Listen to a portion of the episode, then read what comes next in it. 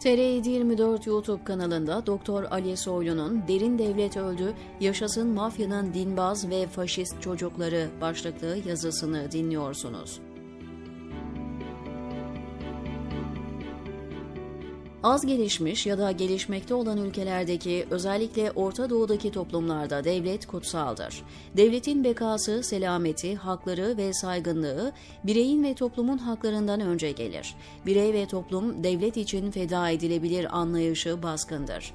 Devlet babadır. O olmazsa birey ve toplum olmaz. Olsa da sefil ve rezil olur. Demokratik modern toplumlar bu çarpık anlayıştan uzaklaşıp insanı merkeze alan bir anlayış benimserken Türkiye ve muadilleri bu çağ dışı anlayışı ısrarla radikalleştirdiler. Bu çarpık, gayri insani olan anlayışta toplumun milli ve manevi değerlerini kendi siyasi bekaları uğruna kullanan popülist siyasilerin rolü büyüktür. Türkiye özelinde özellikle son 10 yılda devleti kutsayan ve bireyi tüm haklarıyla önemsemeyen anlayış zirve yaptı. Binlerce masum insan sözde devletin bekası için feda edildi, hayatları karartıldı, ocaklar yandı, yıkıldı. Devleti Tanrı yerine koyan, kendilerini Tanrı'nın gölgesi, halifesi olarak gören bu anlayışın temsilcileri, yani devleti yönetenler, devletin devasa gücünü kullanarak özgürlüklerden, demokrasiden yana insan temel haklarını önceleyen herkesi ötekileştirip, vatan haini terörist ilan ettiler ve öyle muamele ettiler, ediyorlar. Bu durum ve anlayış topyekün bir ülkeyi, toplumu, kutsadıkları devleti uçuruma itiyor.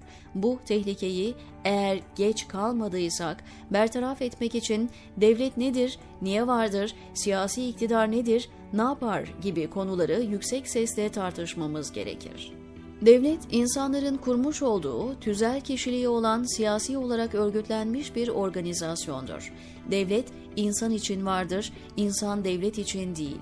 Liberal, açık ekonomilerde devlet, yargı sistemiyle insanlar arası ilişkileri ve insanlarla devlet arasındaki ilişkileri düzenlemek, güvenlik güçleriyle de vatandaşlarının güvenliğini sağlamakla sorumludur. Üçüncü görevi ise adaleti ve güvenliği sağlayabilmesi için vergi toplamaktır. Yani vergi toplamak, adaleti ve güvenliği sağlamak devletin asli görevleridir. İkincil görevi ise bireylerin, toplumun veya özel sektörün yetersiz kaldığı sağlık, eğitim ve altyapı gibi alanlarda hizmet sunmaktır. Siyasi bir organizasyon olan devleti toplumun içinden gelen bireyler yönetir. Yani bir ülkenin siyasi yapısına göre devlet fonksiyonlarını harekete geçiren bireylerin, bürokrasinin veya siyasi partilerin kararları ve davranışları devletin müşahhas, somut hale gelmiş davranışları olarak karşımıza çıkar. Edilgen, pasif olan hantal devlet aygıtı, ettirgen, aktif birey ya da siyasi grubun istediği gibi kullandığı bir mekanizma haline döner. Art niyetli, bencil, şikenperver, kutsanmayı, meşhur olmayı, saygı görmeyi, emir vermeyi seven kişilikler devletin yetkilerini ve gücünü kullanınca zalimleşirler. Bu tür kişi ve davranışları engelleyen caydırıcı, müstakil bir sistem olmayınca devlet denen mekanizma eşkıyanın pervasızca hüküm sürdüğü kanunsuz bir ormana dönüşü verir. Devlet, yurttaşların yetkilendirdiği, toplumun kolektif gücünü kullanan tanrısal özellikleri olan soyut bir yapıdır, sistemdir. Devletin yasalarla kendisine verilen toplumsal gücü kullandığı için mafyavari özelliği de vardır. Gerektiğinde zorbalaşır ve kendini var eden bireylere kanun sopasıyla şiddet uygulayabilir. Malına ve özgürlüğüne el koyabilir.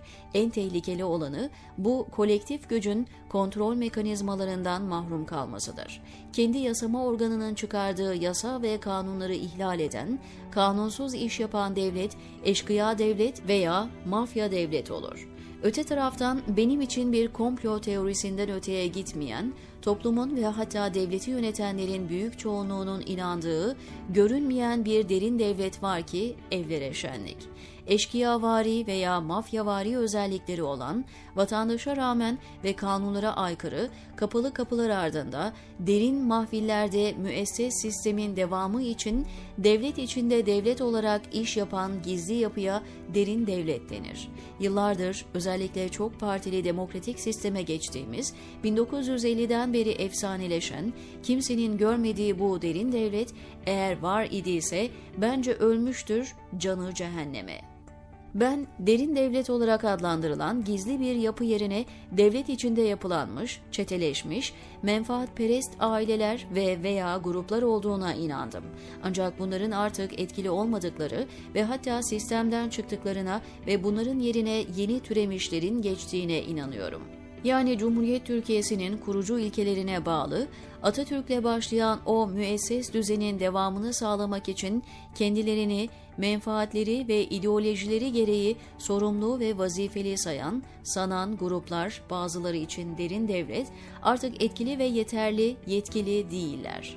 Bu fikrimi destekleyen somut gelişmeleri, algıları değil, olguları sizinle paylaşmak istiyorum.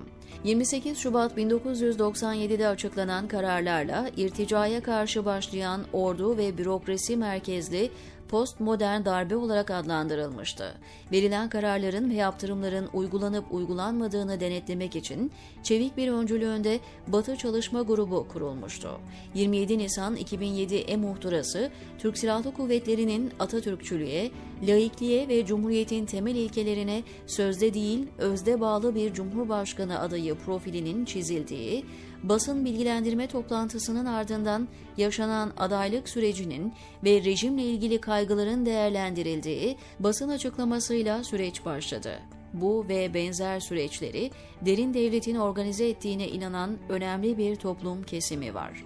Yukarıda bahsi geçen kesim 2003'te başlayan ve hala ülkeyi yönetemeyen iktidarın icraatlarına karşı tepkilerini sokakta cumhuriyet mitingleriyle gösterenlerin de Gezi Parkı protestolarının da derin devlet tarafından yönlendirildiğini düşündüler. Ancak bu derin devlet her ne hikmetse 17-25 Aralık 2013'teki operasyonlarla ayyuka çıkan ülke tarihinin en büyük yolsuzluk ve hırsızlıklarına, Çamlıca'da yapılan en büyük camiye, Ayasofya'nın tekrar cami olarak açılmasına, eğitimdeki müfredat değişikliğine, kısacası AKP'nin ülkeyi bir muz cumhuriyeti gibi yönetmesine, ülkenin maddi varlıklarını çarçur etmesine, bütün 100 yıllık cumhuriyet değerlerini ve kazanımlarını heba etmesine ses çıkarmıyor.